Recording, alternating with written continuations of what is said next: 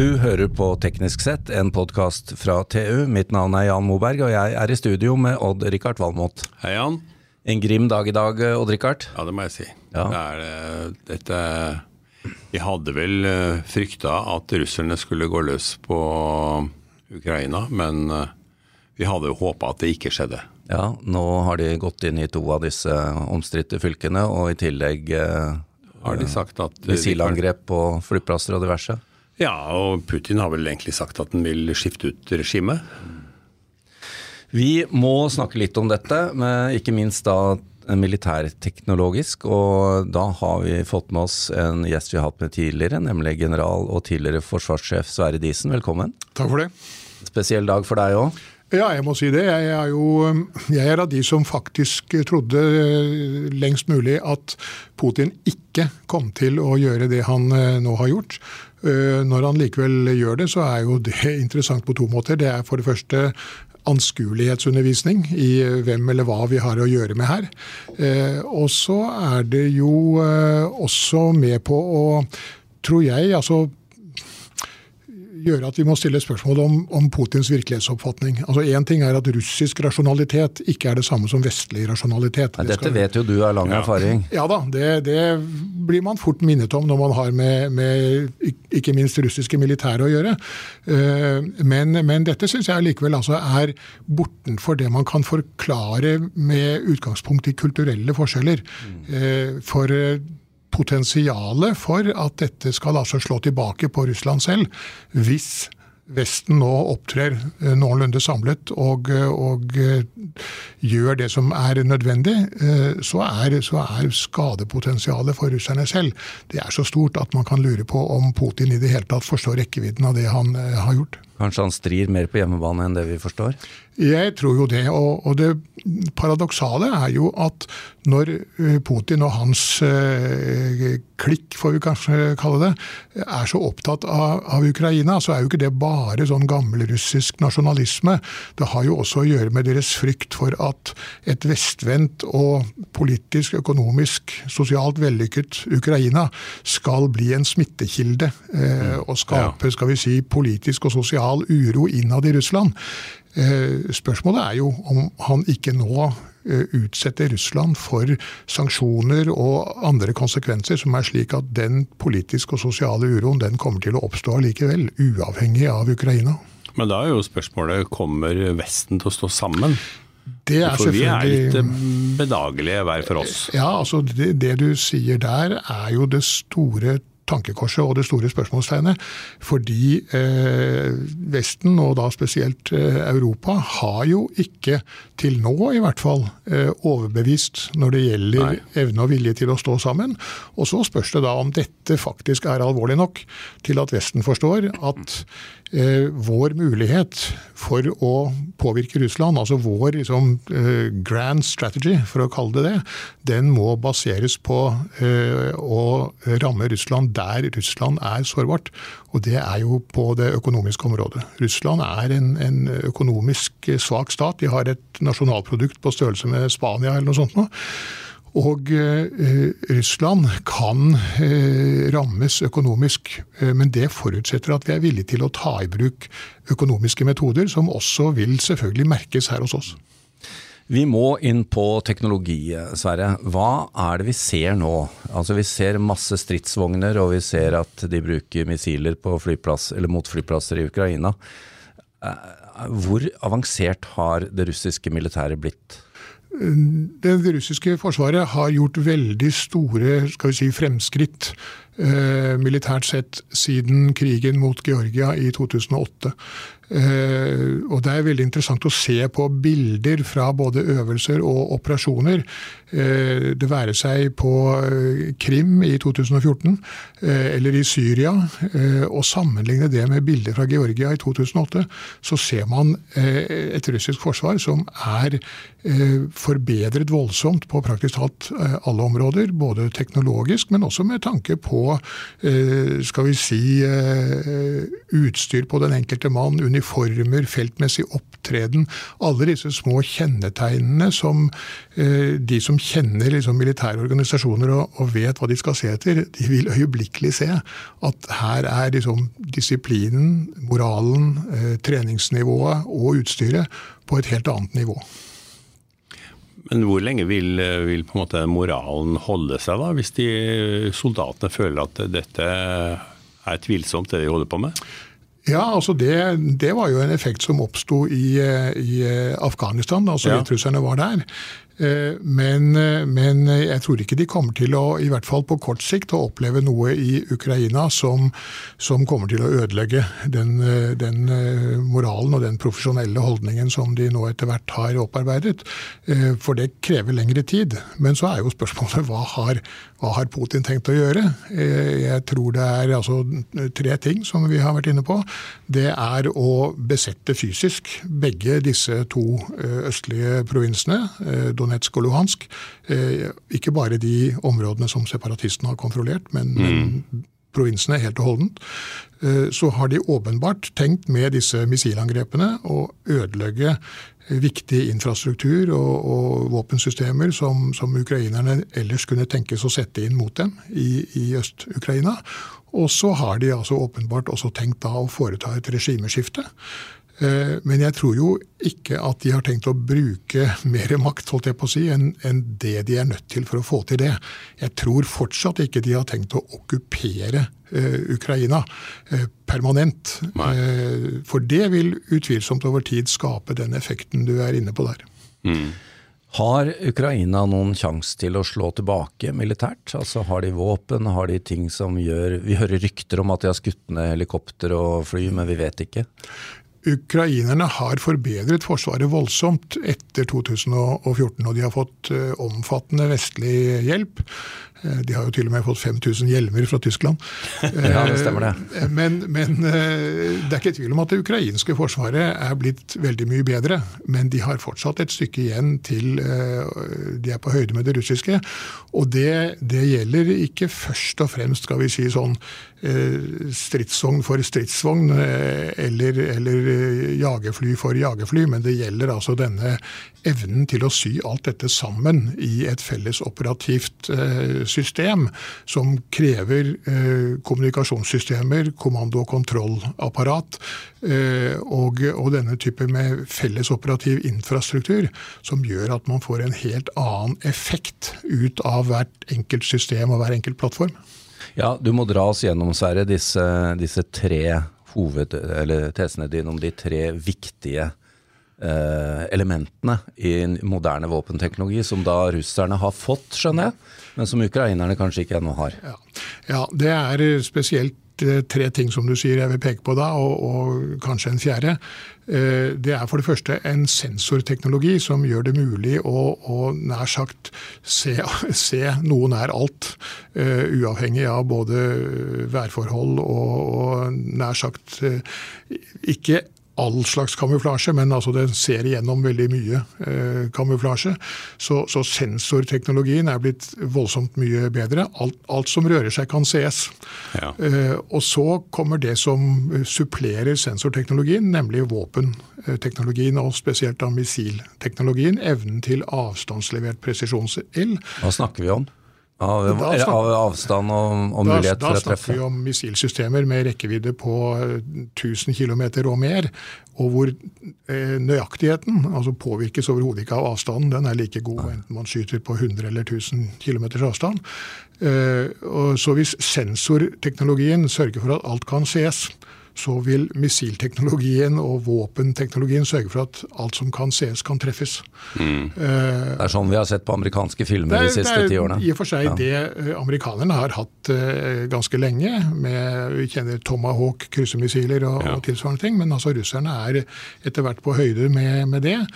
Eh, det tredje elementet er jo det som også er en, eh, skal vi si, en, en teknologisk slager på helt banale sivile områder. Altså eh, robot eller eh, autonomi, eh, autonome ja. systemer. Eh, på alt fra gressklippere til, til kampdroner. Eh, altså systemer som er styrt av algoritmer, og som, som derfor er uavhengig av en kommunikasjonslink, i hvert fall kan være.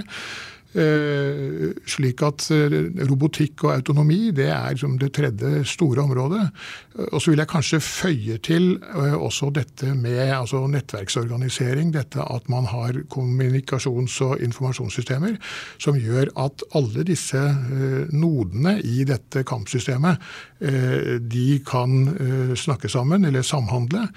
Og det betyr altså at en hvilken som helst sensor kan levere informasjon til en hvilken som helst eh, plattform eller våpensystem. Mm. Og det gjør selvfølgelig at man får bort altså dette som før var typisk for militære strukturer. At informasjon måtte gå liksom oppover i en eller annen kommandokjede, ja. og så måtte det tas en beslutning, og så måtte det gå en ordre nedover i en annen kommandokjede. Nå går dette altså voldsomt mye raskere. Det går på tvers. Og det gjør at man får et helt annet operativt tempo, eh, som selvfølgelig eh, gir den ene part en voldsom fordel.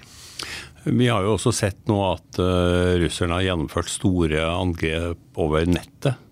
Og tatt ut mye banker og regjering og sånt. Så det er tydelig de har en ganske stor kapasitet der. Men det, det som forundrer meg, vi, vi ser jo aldri at amerikanerne svarer på sånt. Så jeg lurer på, sitter de på våpen, altså internettvåpenstrukturer som de ikke har lyst til å bruke før det er virkelig fare på ferde? Det er et veldig godt spørsmål, fordi hva amerikanerne egentlig er i stand til uh, i cyberdomenet, ja. det er jo egentlig en, en godt bevart hemmelighet, for så vidt som de altså ikke har gjort det enda. Den eneste eh, store cyberoperasjonen som vi med noenlunde sikkerhet kan tilskrive amerikanerne, og sammen med israelerne, det er jo dette Stuxnet-angrepet ja. på de eh, iranske eh, sentrifugene, mm. atomprogrammet. Eh, men jeg er jo ikke i tvil om at amerikanerne har en, en kapasitet som er eh, minst like stor som den russiske, i hvert fall sånn for så vidt angår det rent tekniske. Eh, men de har altså ikke villet uh, bruke den. Mm. Når, når uh, russerne, og for så vidt også kineserne, uh, viser en større tilbøyelighet til å bruke disse våpnene, så er jo det nettopp en konsekvens av den amerikanske konvensjonelle militære overlegenheten. Altså disse to revisjonistiske stormaktene. De kan ikke utfordre USA konvensjonelt militært. Følgelig så er det en konsekvens både av styrkeforholdet og av den type skal vi si, destabiliserende eller disruptiv agenda som de har, at de i større grad bruker eh, cybervåpenet. Eh, mm. Men det er interessant at, eh, at det er altså cybervåpenet brukes ikke frittstående og alene eh, for å oppnå en, en, bestemt effekt. For det er det faktisk ikke i stand til. Altså Man kan ikke gjøre effektene av et cyberangrep, et rent cyberangrep både så alvorlig og så langvarig at det blir avgjørende i seg selv. Eh, men man kan skaffe seg et tidsvindu ved å degradere eh, motpartens eh, forskjellige systemer i et tidsvindu ja. som gjør at den konvensjonelle maktbruken blir desto mer effektiv. Så er det jo usynlig for oss. Vi kan se stridsvogner og fly og og annet. Ja, altså, det, er, det, er, jo nettopp noe av det attraktive ved den type virkemiddel. Det er altså ikke attribuerbart, som vi sier. Det store, det store riset bak speilet er jo selvfølgelig atomvåpen. Selv små taktiske atomvåpen. Ja sånn, det, Da krysser du en grense? Da krysser du definitivt en grense. Og den, er, den grensen er mye større og mer prinsipiell enn, en nær sagt forskjellen i sprengkraft mellom et lite ja. atomvåpen og et stort konvensjonelt våpen skulle tilsi. For det, det har å gjøre med uh, kjernevåpnenes uh, skal vi si, psykologi. Altså Bruker du et kjernevåpen, stort eller lite, så, så har du gjort noe som etter mitt skjønn uh, fører inn en, en, helt annen eh, skal vi si, usikkerhet i, i, konflikten. Da har du egentlig åpnet Pandoras eske. Da, da, vet du egentlig ikke hva som skjer, fordi hvilken effekt det vil ha politisk mm. og psykologisk, har du egentlig ingen kontroll med. Men det er jo dette som slår meg, i hvert fall, når Putin sier at uh, hvis ikke de ukrainske styrkene legger ned våpen og drar hjem til sine og, og føyer med, så vil det være, komme konsekvenser som er, eh, vi aldri har tenkt på før. Ja, det er, et, eh, det er, jo et, veldig interessant eksempel på hvordan Putin altså uh, bruker frykt når han uttaler seg tvetydig. For det er klart, det han ønsker er jo nettopp at du og jeg skal tenke aha, russerne kan faktisk tenke seg å bruke atomvåpen. Det er det han sikter til når han sier konsekvenser vi aldri har sett før. Uh, jeg vil jo faktisk fortsatt tro, på tross av at jeg da altså, har tatt eh, feil i, i, første omgang med hensyn til hva Putin var i stand til, så vil jeg tro at han allikevel eh, kvier seg for å bruke atomvåpen nettopp ikke fordi han har noen etiske motforestillinger, vil jeg tro, men, men fordi han selv han er tross alt klar over at da krysser han en grense, som du sier, og, og vet ikke egentlig hva som skjer. Men du har jo vært innom det, Sverre Disen, at uh, nå har de jo snart ikke noe, eller i hvert fall Putin, ikke noe omdømme igjen å miste. Det er veldig riktig. Eh, og sånn sett så kan du si at uh, han kan tenkes å bruke et atomvåpen. fordi er man en skurk så, så, og ansett som en skurk, så har man ikke noe å tape, som du sier. Eh, jeg tror faktisk likevel at han, eh, han, ikke kommer til å gjøre det. For eh, om ikke annet så er det altså en grense for hvor lenge hans egen befolkning, russerne selv, kommer til å la seg forføre av denne gammelrussiske nasjonalismen og, og, alt dette, alle disse talene som man holder, som, som jo nærmest virker helt bisarre på oss i Vesten. Mm. Som, som, selvfølgelig har en større appell i Russland, men atomvåpen er nå tross alt i en litt annen klasse. Men der kommer vi litt inn på det, da. Eh, de kan, eller han kan sitte i Russland og se litt bisart over på oss i Vesten som er mest opptatt av komfort og årgangsvin og reiser til eh, sydlige strøk og nye biler og materialisme. Er vi villige, vi i Europa, da, til, å ta den beatingen som skal til for å sette Russland økonomisk tilbake? Ja, Det er etter mitt skjønn liksom 10 millioner kroners spørsmålet i denne sammenheng. For det er klart at eh, skal vi altså nå trekke en rød linje i, i sanden og, og, få uh, Putin til å forstå eh, at dette er alvor, så er vi nødt til å gjøre så drastiske ting på det økonomiske området at vi kommer til å merke det veldig godt selv. Ja. Det kan være altså bensinpriser og det kan være andre ting. Det kan bli kaldt i, i leilighetene våre til vinteren. Men, men, altså, her er det helt eh, avgjørende at Vesten beviser overfor Putin at han tar feil. For Putin er jo nettopp av den oppfatning at Vesten er dekadent. Vesten er spist opp innenfra av et, ja, ja. et eh, liberalistisk forfall i, i, eh, både kultur og, og på andre områder. Eh, så Putins utgangshypotese er antagelig at Vesten kommer ikke til å greie å stå samlet. Og Det er opp til oss å bevise at han tar feil. I en sånn militær konflikt som dette også, så vil jo nettopp han, Putin har jo fått noen eksempler nå. Dette får bli mitt utsagn, men Gahr Støre er ganske ullen i sin tilbakemelding om hvor vi står i, i Norge, og, og, diplomatiet skal virke og sånn. Uh, så tenker jo Putin kanskje ja, men her kan jeg gå enda lenger. Altså, ja, At det, er dynamikk i det. Det er min bekymring også. Ja. At vi altså nå skal uttrykke oss og handle som om dette liksom bare er et spørsmål om å, å snakke Putin til fornuft. Mm. At, at liksom, diplomatiet må få virke osv. Altså, dip, Diplomati er jo ikke noe maktmiddel. Diplomati er bare en kommunikasjonsform. Mm. Og skal diplomati virke, så må det være altså, en troverdig evne og vilje til å bruke makt. Ikke nødvendigvis militær makt, men økonomisk makt eller annen makt. Og, og da nytter det altså ikke å, å, sitte og snakke om verdier og dialog og, og den type ting. Eh, da må vi gjøre ting som også eh, kommer til å treffe oss selv i noen grad. Sverre, eh, denne, denne kalde krisen eh, utvikler seg eh, minutt for minutt. Denne episoden kommer ut litt senere i dag. Hva er det vi skal se etter nå, tenker du, de neste dagene? Jeg tror vi skal se etter en bekreftelse, eventuelt en avkreftelse, på det som liksom er hypotesen i øyeblikket, nemlig at Putin har eh, så langt til hensikt å nøye seg med å ta fysisk kontroll over disse to provinsene i Øst-Ukraina, eh, få til et regimeskifte og degradere det ukrainske forsvaret tilstrekkelig. Eh, og så er spørsmålet har han tenkt å gjøre noe mer enn det? Og da tenker jeg først og fremst på spørsmålet om han faktisk har tenkt å, å besette større deler av Ukraina. Det vil være en indikasjon på eh, etter mitt skjønn, både for det første selvfølgelig ambisjonen, hva den faktisk er, men det vil også være en, en skal vi si, en bekreftelse på, på Putins hele virkelighetsoppfatning og jeg hadde nær sagt mentale helse. Det blir spennende, Odd-Rikard. Det gjør det. Sverre Disen, general tidligere forsvarssjef, takk for at du tok turen innom. Takk til Odd-Rikard og vår produsent Sebastian Hagemo. Mitt navn er Jan Moberg.